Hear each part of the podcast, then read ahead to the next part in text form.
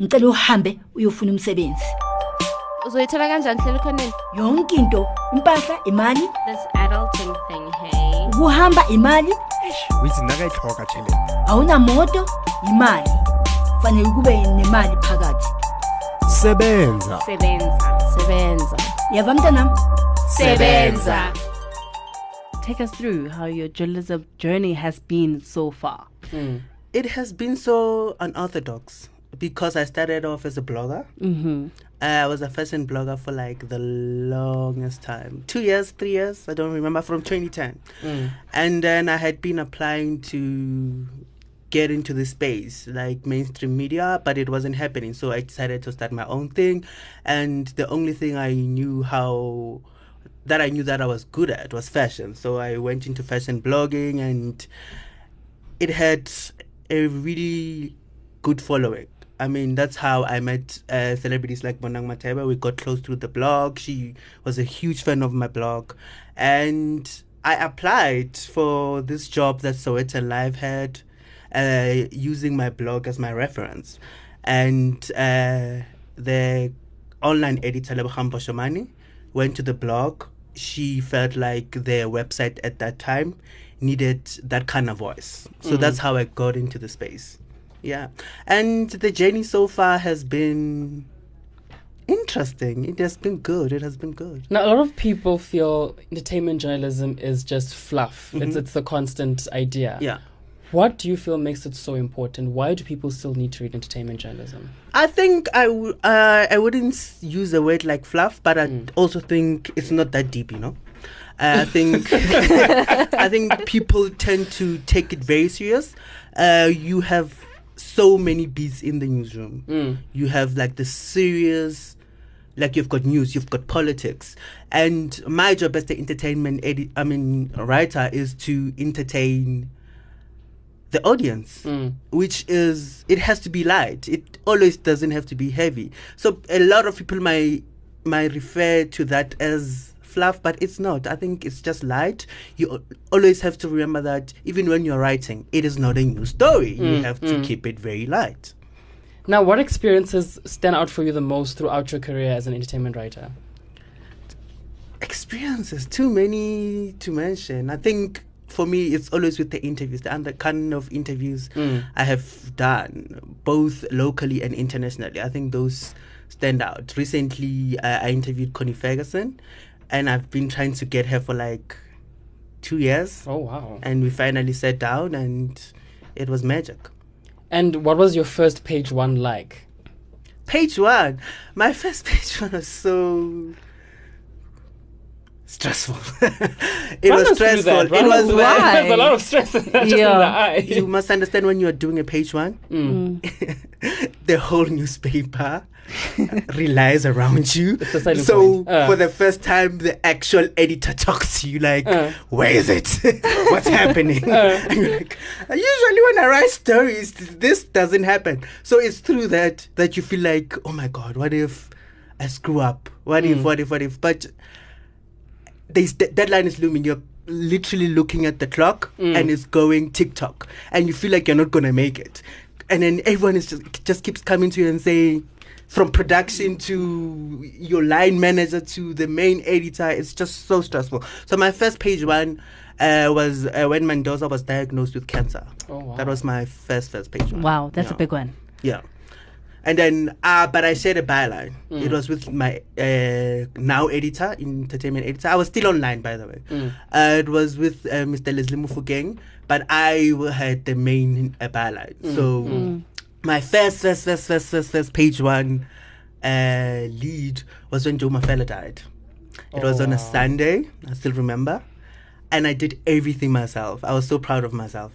There was no one in the newsroom. Mm. So a one of our senior, most senior journalists was supposed to do it, but it was on a Sunday, Mm. and there were awards in Sun City. So uh, that particular journalist was there, and I was the only entertainment journalist Wow. in the newsroom. Ah.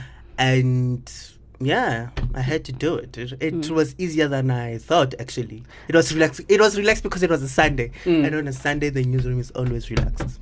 Yeah. So, what kind of like tips and advices would you give to young people out there who would like to study journalism or would want to know more about the field itself? Hmm. Yeah, don't do it for the fame. Don't do it for the byline. Well, we do it for the byline, right? Don't do it. you- surely you want Yeah, that there. don't, Yeah. don't do it for the fame. Don't Yeah. do it for the recognition. Do it to tell people stories. I think if you do it for the fame and you do it for all the other things, there it comes with it mm. eventually if you are lucky. Mm. But your main purpose must be to tell people stories. You must mm. always because it's through telling people stories that you're gonna go back to that code I used. You're gonna realize that you always have to have an extra eye. You have you always have to have a third eye, basically. You know, even when Tango is telling me this, and you are telling me that, and I always, you know, have to weigh and say, but this doesn't make sense. What's happening here? Yeah, yeah. Uh, shouldn't we get a code from a third person, or you know, just make it tight, make it tight, Now, anyone and everyone can blog these days, open a website of their own, which is great. and still have like a really key knowledge in, in a certain uh, niche market or whatever. Mhm. But what would you say is so important about getting that theoretical knowledge from a university or a college in journalism? I think it's always key to get that. Uh, what is it called? What's the term I want to use? Uh, you have to get training basically because journalism. No, you are not gonna learn about objectivity and the moral obligation Mm. and the legal obligation through blogging. Mm. You have to go into class and read and understand that there's a moral obligation that you have to follow. There's also a legal uh, obligation that you have as a journalist. Mm. Also, you have a duty to society.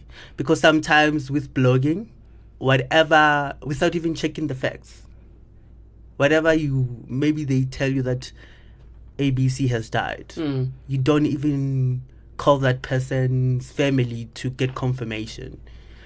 And then you blog about it. And then you realize that it was just an online online hoax so you have to be very careful. I mean you have like a serious moral obligation guys. I have to stress this more than a Mm. legal obligation you don't want to hurt people's careers reputations. You have to have to have to. Even with tabloid journalism which i think a lot in this country or all over the world is viewed as very trivial Mm. it is a lot of stuff goes through it. A lot of steps goes through it. Are we gonna hurt this pe- person's reputation? Are we gonna you know you just question it a lot. And we have a press code Mm. in the south africa that each and every newspaper lives by Now I was Even- gonna. Uh, sorry, sorry. hmm I was gonna go into that a bit. You, you know, a lot of the time, you guys work with a lot of people's careers, and a lot of people's feelings get hurt, and people get angry, and social media gets angry with those people. How do you handle that backlash? you handle it. I mean, it's just backlash. Uh. You're not gonna die from backlash. no one ever died from backlash. You just handle it. But surely all that, like, people will say the worst things to sort of, you know, hurt people, hurt people I don't read them. Uh, why? That's why I'm not on Twitter anymore.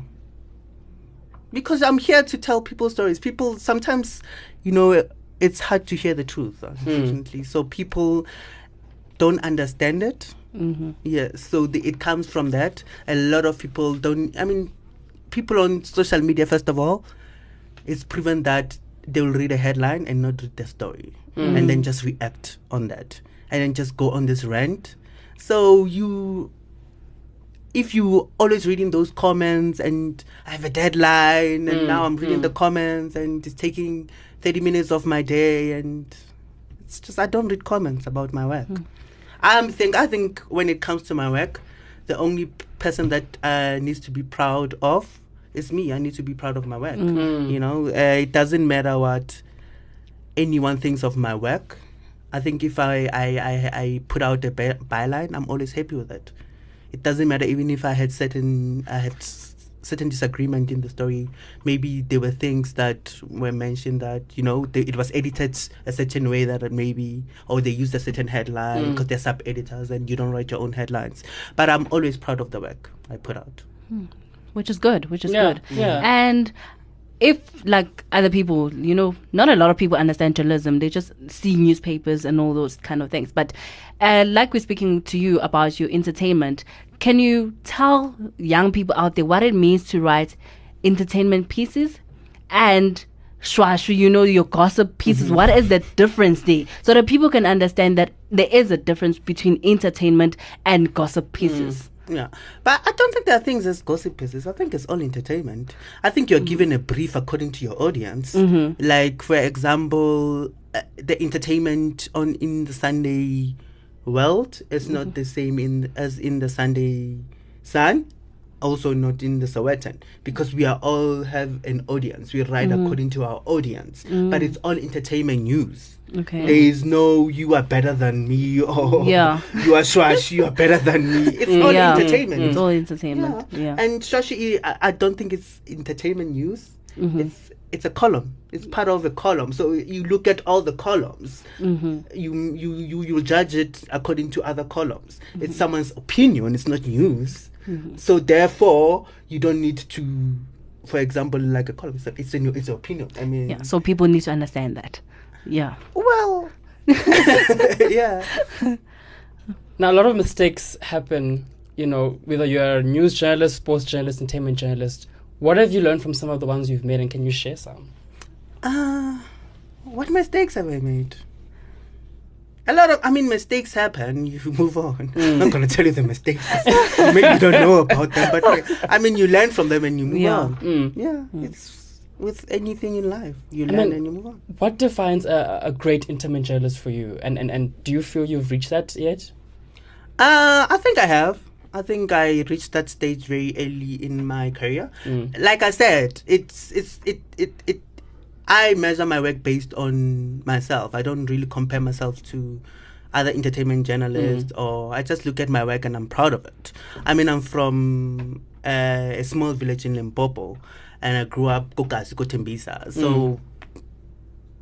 people from that background we are you know we are not supposed to be doing this mm. so for me that alone is a win for me But what that makes you me feel great that way? That's a very interesting thing to think. What makes you feel that someone from that background cannot possibly I mean, it's that thing. There's a line people are using on social media. I'm coming for everything that they said I couldn't have, or something like that. Mm. It's that thing, you know. I mean, we are from a village. I grew up with no electricity. Let's start there. Mm-hmm. I used to buy magazines and just, you know, wish that one day I could at least have a plan. or oh, you know, when you write a letter and it's Oh, wow. published. I mean, I wish that could have happened and that would have been mm. enough for me. Yeah. And now I have a three bylines on a good day in, in the Sowetan. I mean, I mean, that's can greatness that? to me. I don't think need the best defined awards. that way. now, if, if you could speak to all the young Emmanuels out there who are growing up in a village, who are buying a Sowetan or any other magazine and seeing those bylines and going, this could be me, I want to also write those letters or something, Yeah. what would you say? Confidence will get you anywhere in life. You just have to have the confidence. You just have to believe in yourself that you can do it. Mm. I think a lot of us need affirmation from other people to say, Ah, my child. uh, By the way, my mother didn't believe I could do it. Oh, wow. Why? she was very honest with me. She was like, Uh. I don't, I think I should, because I was uh, originally meant to go study medic- me- uh, medicine, Mm. and I just didn't see myself. I dropped out actually, Mm. and she was like, uh, I don't think this thing yahahu is gonna work out. and now look at me, mother. Look at me now. Uh, yeah, and my brother didn't believe in me. No one believed in me. And when I was not working, guys. For like three years, when I was a blogger, and everyone was just like, "We told you it will never happen." Oh, God. and this was from like uh, my family, and I was like, mm, Maybe one day. I never believed it though. You know, when people tell me, told Yeah. me, I, I, I was like, it's gonna happen, but Yeah. I, I never imagined that it was gonna happen like Mm. this. Yeah, it happened so fast. It happened so quick. Yeah. wow. That was amazing. A beautiful journey, Yeah. a beautiful story of work and how like it's, it's a, so yeah, confidence goes a long way, guys. Seriously, confidence goes goes a long way. Uh, always protect your reputation. mm. Because it's through your reputation, making deadline in journalism, being reliable, all of that. Always respect your work. Mm. Always respect your byline. Mm. That's the second advice. And thirdly, uh, have fun.